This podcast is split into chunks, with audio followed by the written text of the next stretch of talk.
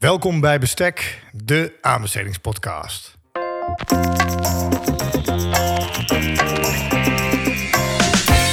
Welkom bij Bestek, de podcast voor de aanbestedingswereld. Deze serie biedt inzicht in onderzoek en praktijk. Meester Dr. Willem Jansen en meester Matanja Pinto bediscussiëren de uitdagingen van het aanbestedingsrecht. Samen met hun gasten gaan zij voor u op zoek naar oplossingen. Dit is Bestek, de aanbestedingspodcast. Welkom bij Bestek, de aanbestedingspodcast. Vandaag bij mij in de mobiele studio Tom Ouderhoven, advocaat in dienstbetrekking bij ProRail. Eh, en ook bedrijfsjurist bij ProRail. Dit alles op het gebied van het aanbestedingsrecht uiteraard. En vandaag spreek ik met Tom Oudehoven over de aanbestedingspraktijk bij ProRail. Ehm, allereerst Tom, fijn dat je er bent. Ja, mooi om hier te zijn, om hier met jou uh, over een mooi vak te mogen spreken. Ja, hoe ben jij in aanraking gekomen überhaupt ooit met het aanbestedingsrecht? Uh, het is goed om te vertellen dat we nu uh, de mobiele studio bij de Universiteit Utrecht hebben. Daar ben ik mijn rechtenstudie begonnen na mijn middelbare school. En uh, ik heb op enig moment de afslag genomen om Europees recht te gaan studeren. Uh, mijn master uh, gaf mij de ruimte om nog een stage erin te proppen. En dat heb ik bij een advocatenkantoor gedaan in Brussel. Met in mijn achterhoofd dat ze daar wel veel van het mededingingsrecht zouden weten. Omdat daar mijn voorliefde lag, dacht ik. En uiteindelijk ben ik daar in gekomen voor het allereerst met het aanbestedingsrecht. En kwam ik erachter dat dat aanbestedingsrecht eigenlijk veel leuker was dan het mededingingsrecht. En uh, zo ben ik mijn weg vervolgd. En uiteindelijk bij mijn eerste functie ook meteen met het aanbestedingsrecht aan de gang gegaan. Ja, ja, want voordat we de inhoud ingaan, dat vind ik interessant om te horen. Dat je, je dacht, ik ga het mededingingsrecht leuker vinden. Wat sprak je aan het mededingingsrecht? En waarom vond je het aanbestedingsrecht leuker? Wat wat is er interessanter aan het aanbestedingsrecht? Nou, allereerst het mededingingsrecht. Uh, dat kenmerkt zich niet door de snelle doorlooptijd van procedures. Uh, het past niet helemaal bij mijn karakter. Het aanbestedigingsrecht uh, kenmerkt zich wel door middel van hele snelle procedures. Um, en het is voor mij makkelijker om ehm, ja, kort, in die wat kortere klappen een procedure naar je hand te kunnen zetten. En daar wat meer invloed op te kunnen hebben. Nou, daar kwam ik in Brussel al vrij snel achter. Um, ja, en het mededingingsrecht is ook in hoge mate van marktordening, economisch recht. En het aanbestedingsrecht is uh, uh, in die zin ook denk ik wat diverser. Want je kan met veel meer te maken krijgen dan met het uh, mededingingsrecht aan zich. dus de diversiteit en de snelle doorlooptijd van een aanbestedingsprocedure was voor mij doorslaggevend om te denken: hey, hier is wat te halen. En je bent overgestapt van dat advocaatkantoor naar ProRail rechtstreeks, denk ik. Daar ben je eerst, we hebben, dat, dat mogen de luisteraars best weten, we hebben eventjes samengewerkt bij ProRail. Ik heb daar eh, op tijdelijke basis wel gewerkt. Daar heb ik jou ook leren kennen op de juridische afdeling, de, de AMC's-rechtelijke juridische afdeling. ProRail is een van de, van de grootste inkopers van Nederland. Als ik niet vergis is het de nummer twee. Dus Rijkswaterstaat heeft het hoogste inkoopvolume, dacht ik. Mm-hmm. En ProRail uh, nummer twee. Hoe ben je bij ProRail terechtgekomen? Of is dat niet een heel interessant verhaal om met ons te delen? Uh, het ligt eraan hoe lang uh, de luisteraars willen blijven plakken. Maar uh, het kwam erop neer dat ik uh, na mijn stage in advocatuur ben doorgerold in de advocatuur, zoals je terecht stelt. Daar heb ik denk ik acht of negen jaar in commerciële praktijk gewerkt. En voornamelijk uh, overheden en lokale overheden bijgestaan in, uh, in aanbestedingsprocedures. Uh, nou, op adviserend gebied en ook op procederend gebied. overigens vind ik dat nog steeds de kers op de taart van mijn werk. Hè. Het procederen in het kader van het aanbestedingsrecht. Um, en op enig moment dacht ik, oké, nou ja, um, aanbestedingsrecht is iets wat ik wil blijven doen. Maar wil ik dat dan blijven doen voor diverse klanten of niet? En uiteindelijk kwam ProRail als inkooporganisatie uh, op mijn pad. Uh, via via kreeg ik kennis, is dit niks voor jou? Ik ben in gesprek gegaan met uh, ProRail. En ProRail heeft mij te weten overtuigen dat ik de advocatuur uit moest. Althans, de commerciële advocatuur. en zodoende ben ik bij ProRail terechtgekomen. En achteraf een mooie keuze geweest. Nu ben je wel weer terug, want je bent advocaat in dienstbetrekking ja. bij ProRail. Ja. Ik zie dat je ook nog steeds regelmatig procedeert voor ja. ProRail. Ja. Ik weet niet of jij ook weet over de algemene gang van zaken van ProRail. Dus weet jij iets van de inkoopvolumes? Ja. Nou, nou uh, als je het over hè, wij, uh, wij uh, hebben ook een hoop termen die we aan het Engels ontlenen. Dus we hebben het dan altijd over spend. hoeveel gaat er nou de markt op? Um, daar heb ik geen precieze cijfers van. Maar het is in ieder geval wel zo dat er door de trechter van ProRail jaarlijks 3 miljard gaat. En je moet je voorstellen dat ProRail een hele grote inkooporganisatie is. Dus heel veel van, de, hè, van dat uit te besteden bedrag, dat wordt via aanbestedingen weer terug op de markt gezet. Dus ja, of dat dan 3 miljard is, nee, dat is niet zo. Maar ik, ik denk een, een, een, het, het leeuwendeel daarvan wel. En dat vertaalt zich dan vanzelfsprekend in een aantal aanbestedingsprocedures. En met een aantal, dat is een beetje een eufemisme. Want ik denk dat we daar jaarlijks uh, aan aanbestedingsprocedures tussen de 650 en de 750 hebben. Waarvan er 350 ongeveer Europees gaan. Dus dat is echt een behoorlijke, behoorlijk volume. Dat is enorm. Is het dan nog zo dat je dus bijvoorbeeld de infrastructuursector, uh, dat, dat daar, dan gaat het vooral naar grote projecten. Dus als het wel 3 miljard zijn, dat is het niet. Zeg dat het 2 miljard is. Bij wijze van, ja. Gaat dan 1 miljard naar uh, grote infrastructurele projecten. En dat zijn dus eigenlijk dan maar 10 aanbestedingen. Moet ik het zo voor me zien? Of eh, heb je enig idee van deze segmentatie? Ja, ja, dat heb ik wel. Uh, kijk, ProRail is infrabeheerder van het spoor. En ProRail zit als organisatie ook heel dicht tegen de bouwwereld aan. Hè? Dus, dus uiteindelijk alle mooie stations die de laatste tijd in het Nederlands landschap zijn verrezen... die worden allemaal gebouwd door ProRail of in de opdracht van ProRail. Dus je hebt de grote stationsprojecten. Ehm, vaak gaat dat wel in samenspraak met andere stakeholders. Maar is ProRail degene die die aanbestedingen verzorgt. Uh, en dan heb je natuurlijk nog het spoor zelf. Hè. Dat is ook aan slijtage onderhevig. En dat noemen we dan zogenaamde bovenbouwvernieuwingen. Hè. Dat zijn gewoon stukken spoor die dan uh, van A tot Z helemaal vernieuwd worden. Uh, dus ja, het, de core business van ProRail is en treinen laten rijden over goed onderhouden spoor. En passagiers goed kunnen laten landen bij, bij de stations. Dus als infrabeheerder is het zeker dat het leeuwendeel gaat naar infraprojecten en stationsprojecten. Ja. En dat zijn vooral PGO-contracten? Of zijn dat.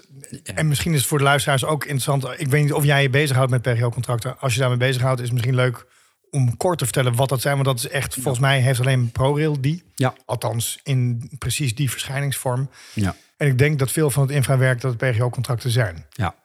Nou, is een kleine disclaimer uh, in die zin, want ik ben niet de, uh, jurist bij, bij ProRail die voor PGO gaat. PGO staat voor prestatiegericht onderhoud. en een aantal jaren geleden heeft uh, ProRail de overstap gemaakt van onderhoudscontracten bij de grote aannemers op regiebasis. Dat betekent, ProRail constateert dat er ergens een storing is of er moet iets vernieuwd worden. We bellen een aannemer, die komt langs met een paar mensen en nou ja, die doen hun werkzaamheden, die gaan weer weg en we krijgen een factuur. En een jaar geleden heeft ProRail bedacht, nou ja, dat is, vinden wij niet efficiënt en we mogen die aannemers best iets meer verantwoordelijkheid geven. En uiteindelijk is dat, heeft dat beslag gekregen in de zogenaamde prestatie gericht onderhoudscontracten. En dat houdt eigenlijk in dat uh, er per uh, uh, gedeelte van het spoor, of spoorvak, of spoorbaan, of hoe je het zeggen wil, per regiogebied, geef er een naam aan, één aannemer verantwoordelijk is voor totale onderhoud van dat gedeelte van, van het spoor. Nou ja, en dat is ja, was destijds een unieke stap. En dat is nog steeds een unieke manier om, om, om je onderhoud te regelen. Uh, maar goed, dat, uh, dat zijn zulke gigantische contracten. En uh, zijn soms ook zo ingewikkeld dat zelfs voor een jurist daar moeilijk doorheen te komen is. En nogmaals, het is niet mijn expertise. Nee, als we dan gaan naar wat wel jouw expertise is, misschien interessanter.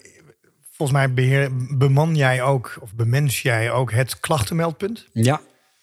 Dus ik denk dat jij ziet wat er voorbij komt aan klachten bij ProRail. Mm dan is het voor ons natuurlijk interessant om te weten.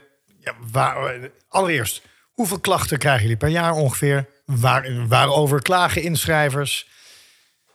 Hoe ziet dat eruit, dat landschap van het klachtenmeldpunt? Uh, dat is ja, een goede vraag. Uh, we dank je. Dank Niet te beroerd voor een complimentje, Matthijs. Goed hoor. Eén goede vraag deze podcast. Ja, dat is toch mooi? Ja.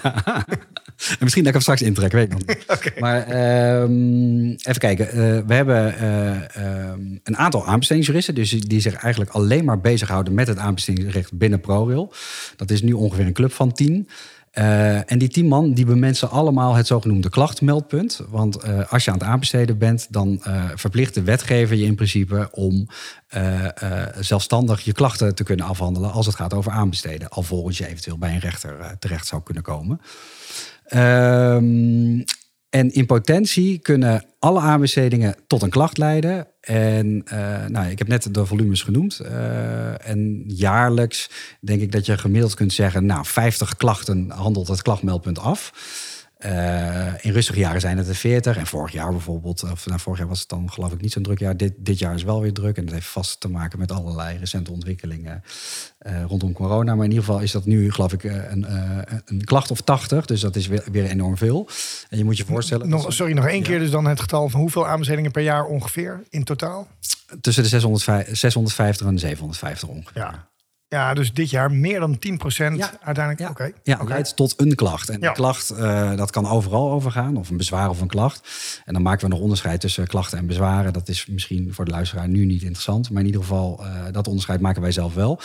En uh, dan is het ook goed om te vermelden dat bij ons de werkwijze is dat een aanbestedingsjurist is bijna altijd betrokken bij een aanbesteding. de rechtmatigheidstoets voordat iets op de markt gaat, bijvoorbeeld. En diezelfde jurist mag nooit de jurist zijn die uh, vervolgens een klacht behandelt. Dus die onafhankelijkheid die proberen we op die manier te borgen. Um, en eerlijkheid gebied te zeggen, zoals dat ook met de verhoudingen van kort gedingen gaat, dat, dat, dat de AMC toch, uh, nou ja, ik nog steeds in twee derde van de gevallen in het gelijk wordt gesteld. Zo heeft dat ook, uh, denk ik, een ongeveer eenzelfde uh, verhouding bij ons klachtmeldpunt. En dat is niet omdat we onszelf dezelfde maatstaf als een rechter aanmeten. Maar goed, ja, als AMC dienst weet je gewoon net wat beter wat je zelf bedoeld hebt, bijvoorbeeld, dan een inschrijver. En dat, dat maakt dat de klacht wat sneller omgegrond is. En zijn er veel rechtelijke toetsen geweest van oordelen van het klachtenmeldpunt? En blijven die oordelen doorgaans in stand? Of worden die nog wel eens omver gegooid? Ja, ik ben geneigd om te zeggen, goede vraag Matanja. Ga ik niet doen. Jammer, jammer, jammer. Maar dat komt er, komt, er komt er nog eentje. Ik, ik, ik, ga me voorbereiden. Mooi. Nee, uh, het aardige is, uh, ik heb net Matanja gaf al aan, ik ben ook advocaat in dienstbetrekking. Dus uh, waar een klacht niet tot tevredenheid, of ja, een klacht leidt eigenlijk nooit tot tevredenheid bij een inschrijver. Maar een inschrijver kan zich wel bij neerleggen bij, bij de uitkomst van zo'n klacht noem wij een zienswijze. Een beetje bestuursrechtelijke term, eh, die eigenlijk niet helemaal passend is, maar goed. Uh, ja, een inschrijver kan zich daarbij neerleggen. Of uh, die kan denken, nou ja, goed, ik ben het hier gewoon nog steeds hardgrondig niet mee eens. Nou, voor een inschrijver is het altijd lastig om dan de overweging te maken.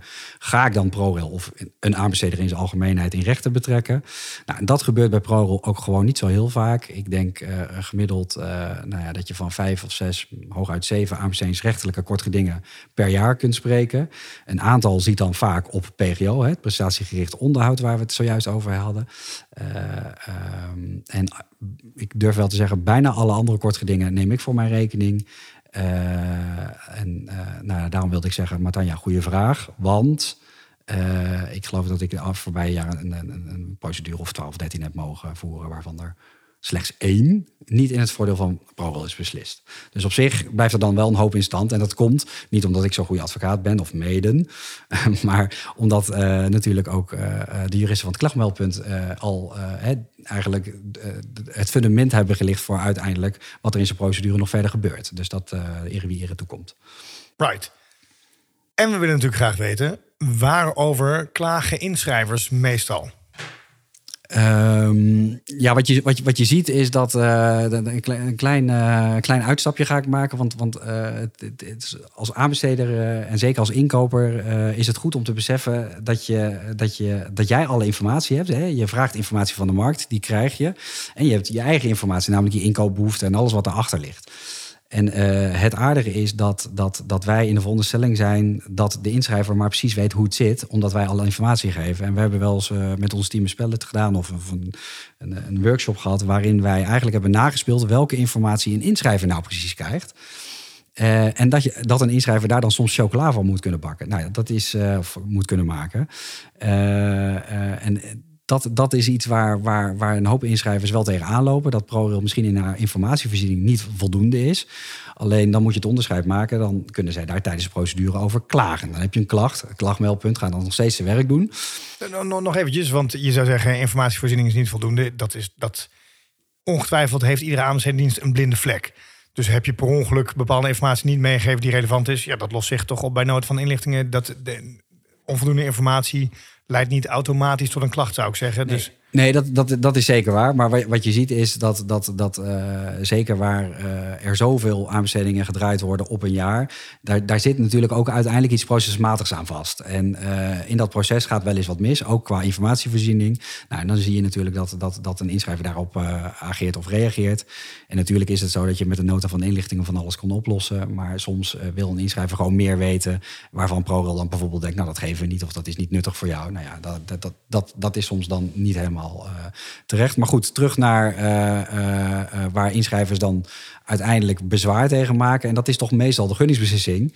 Als in, ja, oké, u heeft de opdracht niet gekregen. Nou, daar komt dan een inschrijver tegenop. En dat, ja, dat, dat, nou, dan is het natuurlijk aan de inschrijver om te kijken welke gronden daarvoor naar voren worden gebracht. En heel vaak is het toch zo uh, dat ze het niet eens zijn met bijvoorbeeld de beoordeling op kwaliteit, uh, het kwaliteitsdeel van de inschrijving. Dat is uh, een hele eentje die heel vaak voorkomt. Dus vooral de motivering eigenlijk. De, de, de motivering in de gunningsbeslissing. Dat is een beetje. Ja, ja, ja, want de motivering is natuurlijk uiteindelijk het sluitstuk van een goede beoordeling. ja, klopt. Hè? Dus dat wij blijkbaar niet in staat, vol, volgens de inschrijver, de inschrijver onvoldoende in staat stellen om uh, om te kunnen toetsen. Of het gewoon echt niet eens zijn met de beoordelingen. Dus dan heb je wel een goede motivering. Maar zijn ze het gewoon met die motivering niet eens? Ben jij daarom een voorstander van zo uitgebreid mogelijk motiveren? Of heb je daarvan juist de neiging we moeten het wat, wat droger en wat korter houden, want dan kan niemand ons pakken op een fout in de motivering. Nou, het is wel, wel grappig, want die, die, die discussie die, uh, die hebben we binnen, binnen de vakgroep uh, bijna jaarlijks, zou ik bijna zeggen, van hoe ver moet je nou gaan, of meer, vaker, uh, vaker dan één keer per jaar bij wijze spreken. Ja, hoeveel moet je nou motiveren? Welke verplichting heb je nou? En ehm, vrij recent weer een discussie daarover gehad, ook omdat de verschillende voorzieningenrechters soms verschillende maatstaven, maatstaven lijken te hanteren. Um, en was laatst weer een voorbeeld, namelijk we hebben vrij bestendig beleid. Namelijk, hè, eh, je hebt 230a eh, uit mijn hoofd, waarin de motiveringsverplichting staat verwoord. Uh, nou ja, dan heb je de memorie van toelichting waarin staat hè, dat je bijvoorbeeld relevante kenmerken en voordelen van de winnende inschrijver moet kenbaar maken en zo en zo en zo. Nou, wat wij dan doen is gewoon het, uh, het kwaliteitscriterium. Uh, nou, dat is dan vaak ook hè, onderverdeeld in verschillende subgunningscriteria. Nou, daar krijgt gewoon de inschrijver die de gunningsbeslissing krijgt haar eigen score met een toelichting waarom ze die score heeft gehaald. En dan krijgt zij van de winnende partij die wel een score, maar niet waarom zij beter heeft gescoord. Hè. We motiveren niet direct of altijd waarom de winnende partij dan beter heeft gescoord, omdat wij ook vaak de systematiek hanteren. Een 10 hè, uh, bij een kwaliteitsonderdeel. Dat is uh, het, uh, het hoogste cijfer wat je kunt halen. En daar, dat is het uitgangspunt als een kwaliteitsplan wordt beoordeeld. U begint met een 10 en alles wat we missen, daar gaat een punt vanaf. En zodoende hoef je dus ook niet te vertellen waarom de inschrijver beter is. Nee, je kunt alleen maar zeggen, nou, u heeft geen 10 omdat. Ja, we motiveren aftrek en altijd ten opzichte van een soort van, van ja.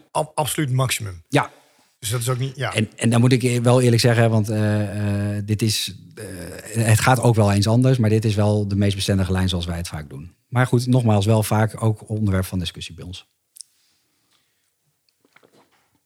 Dat is een punt waarop jullie eigenlijk lijken op veel aanbestedende diensten, denk ik. Uh, ProRail is ook op één notoorpunt heel anders, volgens mij, dan andere aanbestedende diensten. En ja, we moeten natuurlijk eigenlijk zeggen speciale sectorbedrijven, want jullie zijn een speciale sectorbedrijf. Ja, dat is een belangrijk onderscheid. Ja, ja uh, ik denk dat jullie daarom überhaupt meer ruimte hebben. Maar jullie zijn ook een organisatie die... jij schreef al aan mij, voordat we hierover, uh, voordat we met elkaar in gesprek gingen, schreef je al ProRail pakt ruimte waar dat kan. En dat, ik denk dat je dat positief bedoelt. Dus, dus uh, ik weet eigenlijk niet wat ik daarmee bedoel. Want ik weet niet of je ruimte ook negatief kunt pakken of positief kunt pakken. Maakt niet uit. Uh, laten we het hebben over herstel van fouten. Want ik weet dat ProRail daarin een aparte koers ja. vaart. Ja, ja. Um, aparte koers in die zin uh, dat zij, en je geeft het in de inleiding van de vraag terecht aan, uh, voor een ruime benadering kiest. Al, altijd wel binnen de grenzen die het Europees en ook het nationaal aanbestedingsrecht ons daartoe geven. Uh, en voor de luisteraars die nog niet in slaap zijn gedommeld, is natuurlijk altijd uh, Sagmanova hier het, uh, het leidende arrest. waar je dan op moet letten als het gaat over herstel van gebreken in een inschrijving. Um, en de ruimte die dat arrest laat eigenlijk, die, die proberen wij te pakken. en dat is niet zozeer omdat we... Um, zo ontzettend joviaal richting de markt willen zijn. Nee, het heeft ook gewoon te maken met, met, met concurrentiestelling. Hè, als je voor inschrijvers te streng bent en je ze eigenlijk op dingen waarvan ProRail vindt um, pakt waar, die je zou kunnen laten herstellen, ja, dan krijg je gewoon uiteindelijk betere aanbiedingen van, meer concurrentiestellingen en uiteindelijk ook een, een betere concurrentiestrijd en dus ook betere aanbiedingen. Um, ja, en, en, en waar die ruimte dan uh, uh, precies ligt, ja, dat is van geval tot geval natuurlijk afhankelijk. Maar we hebben wel beleid waarin wij zeggen, nou ja, dit, dit is in ieder geval voor herstel vatbaar. Uh, en vooral in de selectie is dat dan een, een ruimmoedig beleid, laat ik het zo zeggen. Ja, want ik meen mij te herinneren van de tijd dat ik bij Pro rondliep. Ik weet niet of het nog steeds gebeurt, maar dat een tijd lang het beleid werd gehanteerd. Als jij zegt dat jij een referentie kunt opvoeren, ja. dan mag je dat gewoon proberen. Dus stel dat een referentie niet voldoet, dan stuurt ProRail die referentie terug. Zeggen ja, die referentie voldoet niet. Maar ook al is de inschrijvingstermijn verstreken, je mag nu prima een nieuwe referentie opvoeren. Je hebt gewoon verklaard, ik voldoe. Uh, en dat mag ook met een andere referentie. Is dat, is dat nog steeds beleid of is dat niet? Of, nou ja, met, met, met, met, met een kleine, kleine nuance erin. Hè, als het dan gaat over een uh, procedure die opgeknipt is. Hè, dus waar selectie een aparte uh, fase is in de aanbesteding. want na inschrijving alsnog een referentie indienen. Ja, dat, dat, ja, dat zou kunnen. Maar goed, dat, dan, dan ben je die fase eigenlijk al voorbij. Dus je ziet in de selectiefase inderdaad dat op het moment dat de referenties moeten worden ingediend. En het wordt gecheckt hè, door onze afdeling inkoop. dan kan het zijn, nou die referentie referentie voldoet niet. Uh, Oké, nou ja, dan krijgt u de kans om alsnog een passende referentie in te dienen. Inderdaad, weliswaar nog steeds weer met in het achterhoofd hè, dat die referentie niet, uh, uh, dat die al moest bestaan van datum, indiening, selectie, of sorry, de, de aanmelding, om het even juridisch zo zuiver mogelijk te houden. Juist, Maar die, ehm, maar dat mag dus, dat, maar dat, dat mag dus echt een ander. Dus het mag zijn als referentie voerde ik eerst op het, het, stuk spoor in Zeeland en dat wordt nu het stuk voor in Limburg. Ja, en dat heeft ook te maken met, met natuurlijk de vrij binaire uitleg van uh, ben ik nou geschikt of ben ik nou niet geschikt? Hè? Dat, dat is natuurlijk gewoon ook een vrij binair te beantwoorden vraag. Het is ja of nee. En uh, als je ja zegt, oké, dan kan je toevallig de verkeerde referentie hebben ingediend. Maar ja, als, wij, als dan toch blijkt dat u wel geschikt bent, omdat u nou eenmaal wel een juiste referentie had, ja, dan bent u gewoon nog steeds geschikt. Uh, dat is een beetje de achterliggende gedachte. En dit, dit, dit, komt dus, dit kwam wel eens voor, komt nog, nog steeds wel eens voor. En is dat toevallig ook wel eens onderwerp geweest van een klacht? Of is dat nooit. Is dat niet dat er een concurrent is geweest die dan zei. hey, wacht eens, mag ik eens horen hoe dat dan zit met de, met de referenties? Want ik geloof niet dat de nummer 1 voldoet. En dat daarin is gebleken dat, dat de mogelijkheid tot herstel is geboden. Ja. Of, uh... ja. Uh, nou ja, kijk, ProRail werkt ook met een. We zijn een speciaal sectorbedrijf. En dat betekent dat je dat je, je uh, selectieproces net iets anders mag inrichten, in, uh, inrichten dan, dan bij de klassieke overheid of klassieke overheden. Um, dus via die erkenningsregeling hebben wij vrij vaak al de meest geschikte partijen aan boord. En hoeven we dat proces niet te doorlopen. En dan heb je aan de andere kant. Uh, dus, sorry, sorry dat je wil onderbreken, maar dus dat is de erkenningsregeling die gebruik je eigenlijk hoofdzakelijk. Dat de meeste aanbestedingen dus van die 650 tot 700 is meer dan 50% via de erkenningsregeling. Ja. Als, je moet als, je, kijkt naar de spoorse projecten en de stationsprojecten, dan is daar een heel groot gedeelte van erkend inderdaad. En dan hebben we verschillende categorieën van erkenningen, maar dat betekent dat we gewoon een lijst hanteren uh, uh, waarop gewoon geschikte partijen staan. En daar kan je uh, voor aanmelden en dan kan je erkend worden. En dan word je voor de eerstvolgende aanbesteding gewoon netjes uitgenodigd. Ehm, en dan heb je uh, aan de andere kant natuurlijk, ja, uh, de spoorse wereld is een vrij aparte wereld, waarbij uiteindelijk ook, als je, zeker als je naar de infratakken kijkt, ook niet zo heel veel spelers actief zijn. Nou, en waar je ziet waar spelers, niet zo heel veel spelers actief zijn, zie je ook dat de competitie steeds heviger wordt. Dus je ziet ook dat als je ergens ruimmoedig beleid hanteert in, in een branche bij ProRail waarin weinig concurrentie is, dan zie je dat ze daar wat feller op zitten. Hè, van, en ze weten ook gewoon immers meer van elkaar. Hè, of ze referenties hebben die voldoen bij spreken. Dus heb je sneller inderdaad uh, kans op een klacht. En waar het gaat om bedrijfsvoering, dus uh, laten we zeggen uh, de koffieautomaat aanbesteding, ik noem maar wat. Ja, daar is dat, nou ja, is misschien niet zo goed voorbeeld, want ook die markt is vrij klein. Maar nou, laten we zeggen die van, nou ja, adviesdiensten inkopen waar je dan een uh, selectiebeslissing bij zou moeten nemen. Nou ja, daar, daar zie je dat, dat partijen elkaar helemaal niet zo nastaan. Dus ook niet over elkaar klagen als er, uh, als er uiteindelijk een selectiebeslissing is gevallen. Ja, dus, nee, dus antwoord, vrij lang antwoord. het antwoord is eigenlijk gewoon nee. Oké, nee, nee, goed. Ik heb je van tevoren de instructies gegeven. Niet, niet simpelweg nee antwoorden. Dus ik ben blij dat je Ja. dat je je daarin hebt gehouden. Zijn, zijn er nog andere punten van het ProRail-beleid waarvan je zegt dat is, daarin wijkt ProRail af? Nou, niet, niet wijkt af, maar we willen, we willen wel eh, op, op, op, op punten gewoon eh, onze naam eer aandoen als hele grote inkooporganisatie. Ehm, dat gecombineerd met het feit dat we een speciaal sectorbedrijf zijn. Hè, dus dat we net ook iets makkelijker voor bepaalde procedures kunnen kiezen. Hè, bijvoorbeeld de onderhandelingsprocedure.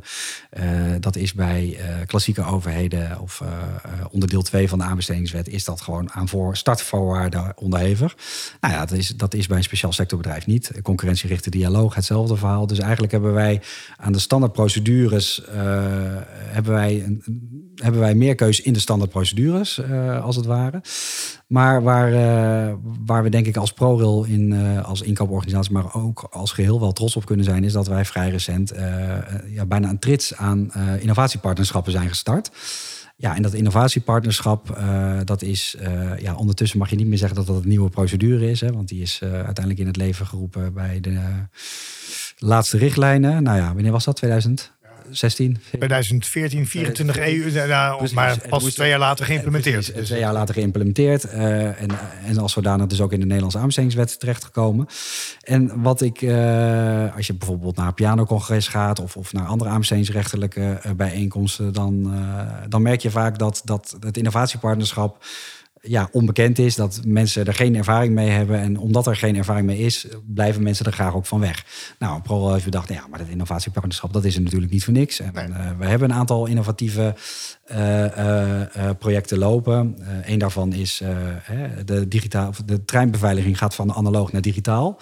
Dat is een cluster van, nou ja, bij elkaar wel, wel, wel meer dan 100 projecten bij spreken. Dat noemen we dan ook een programma. Het programma ERTMS.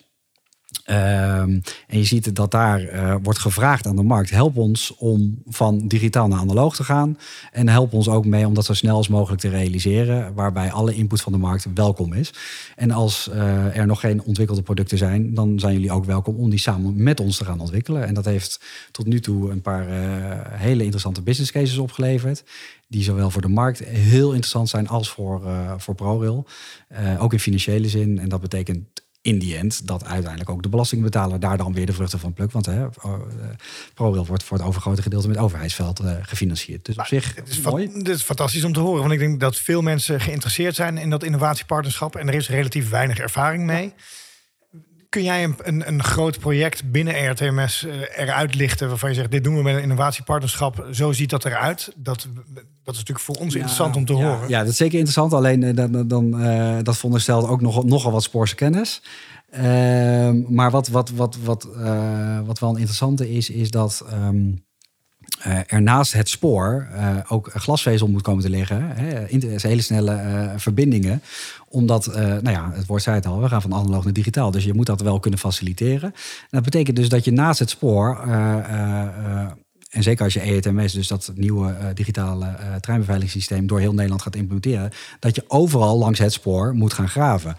Nou ja, er zijn partijen die daar hele slimme oplossingen voor hebben, zodat niet altijd maar eh, alles naast het, de spoorbaan open hoeft of een, een gecombineerde methode van werken. Hè. Dus dat, nou, en zo zijn er nog een aantal voorbeelden. Dan het plaatsen van objecten naast de baan, bij spreken, die dan via een innovatiepartnerschap ja, veel sneller kunnen opgelost worden dan het reguliere graafwerk als het ware. En hoe hou je zo'n procedure nou eerlijk? Want ik kan me voorstellen dat als er verschillende partijen zijn die hun eigen oplossing hebben, dat klinkt als die hebben al, al hun eigen oplossing. En, dus, en en mijn, mijn beeld is dan, je wil het liefst dat ze allemaal toewerken naar dezelfde mijlpalen. En je biedt dan ook een vergoeding aan voor, voor iedere mijlpaal die, die ze halen. Terwijl ik kan me heel goed voorstellen dat dan de, het ene bedrijf zegt, ja, ik heb mijn eigen oplo- oplossing en ik, ik werk daar naartoe en of, of ik rol dat gewoon uit. Ik, ik hoef dat niet verder te ontwikkelen. Ik moet het alleen hier voor jou doen. Ja. Hoe, hoe, uitzicht, hoe doen jullie dat in een innovatiepartnerschap? Nou ja, strikt genomen hè, is een innovatiepartnerschap alleen maar geschikt. eh, althans, dat zijn de startvoorwaarden voor producten die er nog niet zijn. Of aanmerkelijk verbeterde producten. Nou ja, en in die laatste hoek moet je dan denk ik wel zoeken, inderdaad.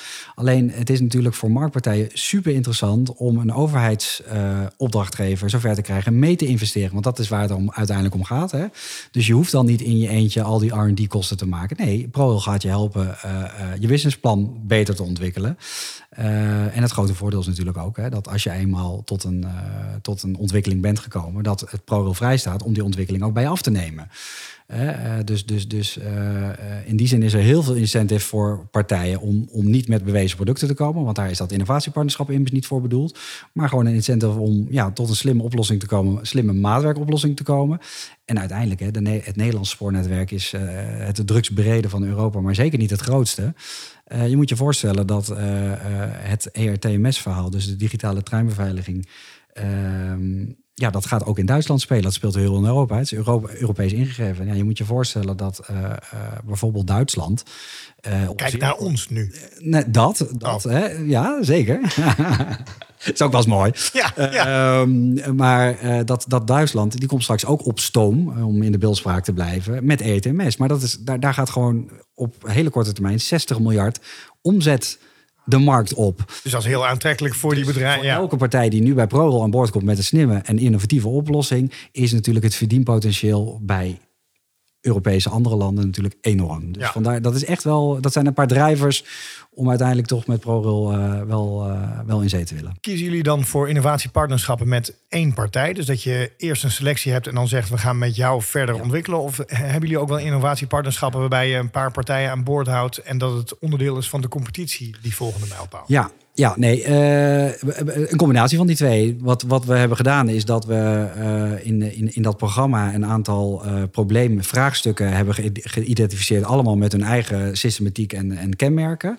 Nou, dat, daar hebben we percelen van gemaakt. Dus we hebben voor elk van dat perceel gevraagd, joh, kom daar nou eens met slimme oplossingen. Nou, uiteindelijk is daar per perceel zijn er meerdere partijen op afgekomen. En die hebben allemaal netjes hè, door de selectiefase heen gekomen. En die hebben uiteindelijk allemaal een business case mogen presenteren. En uiteindelijk is die business case beoordeeld met plussen en En is er dan uiteindelijk eentje die dan voor het doorgaat in de business case van het ontwikkelen naar. Dus het is niet zo dat wij nu uh, op hetzelfde perceel meerdere innovatiepartnerschappen of meerdere trajecten hebben lopen. We hebben wel gekozen voor er is er dan één met het beste idee, althans voor onze, uh, voor onze business het meest haalbaar. En dan gaan we met die partij ook verder. Dus die, we hebben wel getrechterd. Goed, we, we, komen bijna bij de drie laatste vragen die we altijd stellen aan een gast. En dat is, wat zou jij nog willen veranderen aan het aanbestedingsrecht? Daar, kun je, daar mag je alvast op de achtergrond over nadenken. Eerst nog de wezenlijke wijziging. Je, je schreef mij voordat we vandaag met elkaar gingen spreken... de wezenlijke wijziging blijft een draak. Ja. Vertel. Nou, Um, omdat uh, het uh, juridisch vrij lastig leerstuk is. Hè? Daar, daar begint het al mee. Het is, uh, nou ja, pressetekst is het leidende rest uit Europa daarover. En, en, en je ziet eigenlijk daar dat het Hof al worstelt met... oké, welke, welke handvatten mag ik meegeven... voor het uiteindelijk wijzigen van een overeenkomst... die met een aanbesteding tot stand is gekomen. Um, en, en, je kunt je afvragen hoe betekenisvol die handvatten nou precies zijn. Ja. Dus iedere wijziging in de, in de balans ten faveur van de opdrachtnemer. Ik denk, ja, ja, het lijkt me onwaarschijnlijk dat een opdrachtnemer akkoord gaat met een wijziging die heel. Nou ja, dat kan natuurlijk wel. Maar een wijziging is er, kun je al snel zo framen dat er enig voordeel in zit voor een opdrachtnemer. Dan heb je al heel snel een, wezenlijke wijziging te pakken. Nou ja, dat, hè, de, de, zeker. Daarop inhakend. Uh, kijk, dat kun je ondergraven of dat, dat kun je ondervangen. Ik zou bijna ondergraven is niet het juiste ondervangen. Met, uh, met, met dat daar vaak ook extra werkzaamheden tegenover staan. Hè. Dus eh, oké, okay, het opdrachtbedrag richting opdrachtnemer wordt misschien groter. Maar hij gaat ook werkzaamheden daarvoor uitvoeren. Dus dan heb je het e-, economisch evenwicht, blijft hetzelfde. Zou je kunnen bepleiten. Maar goed, uh, een aantal handvatten, die zijn gecodificeerd met een moeilijk juridisch woord. En uiteindelijk heeft de Europese wetgever ook nog een paar wijzigingen geïdentificeerd waarvan zij vindt, die zijn sowieso toegestaan. Nou, op zich is dat een hele mooie eerste aanzet, zou ik bijna zeggen. Alleen die, die, die worden over het algemeen ook wel vrij streng uitgelegd. En je ziet dat de praktijk gewoon super weerbarstig is. En waarop het de draak is, is niet zozeer omdat de jurist nooit tot een conclusie kan komen. Nee, maar het zijn de contractmanagers. Het zijn de mensen die uiteindelijk uitvoering geven aan die overeenkomst bij ofwel de opdrachtgever of bij de opdrachtnemer. Die moeten kunnen beoordelen: is dit nou een wijziging die we zonder uh, uh, juridische haarkloverij uh, kunnen doorvoeren? Ja, dat is niet uit te leggen, want dan moet je bijna een juridische achtergrond hebben om, om die beoordeling te doen. Met andere woorden, van al die overeenkomsten die er worden gesloten met ons. Hè, ik gaf net al aan hoe, hoeveel aanbestedingen er lopen. Dat leidt allemaal tot een overeenkomst. Al die overeenkomsten kunnen in potentie veranderen. En je kunt je voorstellen, het is niet te doen dat een jurist elke keer bij elke wijziging aan moet schrijven. Nou, sterker nog, kunnen in potentie veranderen. Ik zou zeggen, geen enkele overeenkomst Ja, wordt uitgediend zonder een wijziging. Eens. Dus jij hebt iedere dag talloze contractmanagers aan jouw bureau staan die vragen: is deze wijze- wijziging wezenlijk? Ja, ja, nou ja, ja. En dan hebben we gelukkig wel een soort, eh, soort eh, eh, ja, vers- verschillende de- defensielijnen, om het zo te zeggen. Dus Een deur bijvoorbeeld. een deur, ja, de deur is gewoon dicht. ja, mooi. Oké. Je kunt mij nu niet even zorgen. Nee, eh, eh, nou ja, het is wel duidelijk hoe Matanja zijn tijd bij ProRail is doorgekomen. Maar, niet met zijn deur open. Maar Ik had als enige de sleutel. Dus. maar die, eh, eh, dus het begint ermee dat je, dat je de mensen die, die de contracten beheren gewoon probeert uit te leggen. En dat lukt natuurlijk ten dele wel van waar ze nou op moeten letten. Nou, dat is de eerste lijn van verdediging. De tweede lijn van verdediging is uiteindelijk dat, eh, dat er dan degene die, de juristen die dan betrokken zijn bij het maken van de contracten, uiteindelijk, de contractjuristen noemen wij die bij ProRail. Uh, die beoordelingstoets uitvoeren. Maar als het dan echt heel erg lastig wordt op AMC-rechtelijk gebied, want het is gewoon een puur AMC-rechtelijk leerstuk, dan worden de AMC-juristen betrokken. Dus er zijn er eigenlijk al twee, uh, twee stapjes genomen. Eén stapje terug, die eerste lijn van de verdediging. Als dat een verhaal wordt van drie kwartier, dan, dan, is dat, dan hebben we daar de tijd niet meer voor. Nee. Maar jij zegt, dat is die eerste lijn van de verdediging is uitleggen aan de contractmanager of contractjurist. Mm. Waar moet je dan op letten? Mm. Wat, wat zeg jij dan? Of is dat dus een verhaal van, ga je dan de hele wet uitleggen en zeggen, nou kijk, het begint allemaal bij 263a en we gaan het helemaal door akken. Ja, ja, ja. Uh, nou ja, we hebben een aantal collega's die, die ook nog heel erg goed zijn in, in kort en krachtig en visueel maken van, uh, van hoe uiteindelijk zo'n leerstuk in elkaar zit. Uh, maar je krijgt natuurlijk ook niet iedereen te pakken. En niet iedereen is even vlug bij. En niet iedereen heeft uh, een goede dag als het wordt uitgelegd bij wijze van spreken. Maar waar het op neerkomt is dat bij de meeste mensen blijft hangen. Uh, hè, als het binnen de 10%, hè, dus, dus als de wijziging binnen de 10% blijft hè, van de initiële opdrachtwaarde. Dan is het sowieso, of 15 voor werken, dan is het sowieso toegestaan. Uh, nou ja, dat is natuurlijk best wel een handvat. Hè? Dus, dus uh, nou, dan hoef je alleen maar te kijken, oké, wat, wat heeft het de geldelijke waarde, de wijziging? Ja, mooi, is dat binnen 10%? Nou, klaar. Nou, er zitten uiteindelijk ook weer veel meer haken en ogen aan dan alleen dat. Uh, maar goed, als een contract net op stoom komt, hè, dan, dan, dan zie je vaak dat daar in eerste instantie die 10% wordt benut. Uh, nou ja, en dan, uh, dan wordt er vervolgens gevraagd: ja, maar buiten, procent, buiten die 10% mogen we niks. Hè? Dat is wat is blijven hangen. Ja, en dan komen ze bij ons en zeggen: Nou, gelukkig is er iets meer ruimte. En we hebben nog een aantal artikelen waar we een beroep op kunnen doen. En dan kunnen we die 10% weer leegscheppen. Nou, weet je, maar dat zijn allemaal hele onverkwikkelijke processen eigenlijk. Die, uh, ja, waarvan ik denk dat de Europese wetgever en ook de Nederlandse wetgever gewoon totaal voorbij gaat aan wat uiteindelijk dat, dat een overeenkomst, zoals jij het stelt, per definitie aan verandering onderhevig is. Als je één onderdeel van de wezenlijke wijzigingssystematiek eruit zou mogen lichten, waarvan je zegt dat is, dat is nou echt notoor weerbarstig, of, of, vind je het gewoon het geheel een drama? Uh, nou wat, wat, wat, wat, wat vaak een, uh, een, een, een, misstand is, is dat het inderdaad alleen maar om die 10% gaat. En dat, dat er nog veel meer mogelijkheden zijn. Dus dat proberen we elke keer wel voldoende op voetlicht te krijgen. Uh, ja, en dan uiteindelijk de toets. Ja, de toets is, is, is past nooit op de wettelijke, op de wettelijke artikelen. En uh, dus is het ook een gedeelte invullen of gewoon iets snel nee zeggen. Nou, daar zijn we. Ik heb net uitgelegd, we pakken het liefst ruimte. Uh, dus, dus te snel nee zeggen doen we niet. En dat betekent dus dat we inderdaad de ruimte die we krijgen proberen te benutten. Ook hier bij dit vraagstuk. Maar ja, in die end is het natuurlijk zo. Je hebt een aantal wijzigingen die zijn toegestaan. 263b tot en met F. En dan heb je 263 uh, G. En dat is de toets van de wezenlijke wijziging zoals pressetekst hem kent. Nou, dat, gewoon die toets uitvoeren, dat is gewoon een drama. Omdat je gewoon, ja, het, is allemaal zo gereis dat je bij alles uh, wel kunt bepleiten dat het is toegestaan. Nou, dat doen we dan ook graag. We zijn aangekomen bij de laatste vraag. En dat is een vraag die we aan alle gasten stellen. En dat is de vraag: als jij één ding zou mogen wijzigen in het aanbestedingsrecht of de inkooppraktijk. En ik realiseer me nu dat ik jou die vraag van tevoren had moeten stellen. Want dat, dat, zo plegen wij dat te doen. Je ziet de schrik in mijn ogen, hè? Ja. dus je mag ook zeker hierop later terug. Dan zet ik hem op pauze. Kom je hier later op terug. Plak ik er gewoon aan vast. Dat kan ook prima. En je kunt ook zeggen, nou, het aanbestedingsrecht zoals het nu is, afgezien van de wezenlijke wijziging, vind ik het helemaal om door een ringetje te halen. Mag ook. Ja. Maar dat is nou, dus de laatste ja, vraag die we nou, altijd stellen. Ja, wat, het is niet zozeer wat ik zou willen veranderen. Maar wat, wat ik zou willen meegeven is... Uh, nou ja, dat inkoopvak dat is echt wel heel mooi. Maar dat is natuurlijk ook wel zwaar juridisch getint. Ehm, en wat vaak eh, in de inkooppraktijk wordt gevoeld, en dat is zonde, en dat is soms ook bij ProRail zo, en uh, we proberen er zoveel mogelijk van weg te blijven, is dat het aanbestedingsrecht vaak voelt als een te krap jasje. En uh, dat, daar kan ik mij van alles bij voorstellen. Hè? Want je hebt een project en er gebeurt wat en je moet snel kunnen schakelen. Ja, daar heb je het aanbestedingsrecht weer. Hey, dat moet anders, dat moet je misschien wel aanbesteden. Of dat kan helemaal niet zomaar, hoor je dan de jurist zeggen. Um, en wat ik zou willen meegeven aan en ieder die luistert, is uh, kom op tijd. Dan neem ik mijn aanbestedingswet mee. En in dat aanbestedingswet staat eigenlijk in potentie alleen maar ja, dit kan. Ja, dit kan. Ja, dit kan. Mits je de goede wegen bewandelt en mits je een beetje op tijd bent. En achteraf ja, moet je dan soms helaas wat vaker nee verkopen. Maar het aanbestedingsrecht, ik denk als je je weg weet, is het niet een te klap jasje, maar kun je er gewoon ruimelijk, redelijk ruim in gaan zitten. Dat is eigenlijk wat ik zou willen meegeven. Ik ben het daar hardgrondig mee eens. Dat is uh, wat, wat, wat leuk om dat te horen. Ik ben, nou, daar zou ik graag nog met jou verder spreken. Gaan we niet doen, althans niet, uh, niet in deze opname. Ik wil jou heel hartelijk danken voor je komst. Dit was Bestek, de aanbestedingspodcast.